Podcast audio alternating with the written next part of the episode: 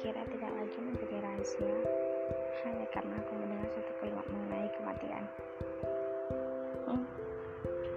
Apa yang kutarakan tidak sekalipun kau berharap akan dibalas dengan iya atau tidak.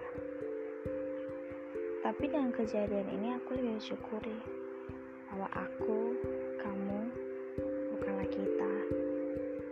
Aku tersenyum lebar. Waktuku masih kuhabiskan dengan mengingatmu. Tapi aku terlalu munafik untuk mengatakan aku sudah melupakanmu.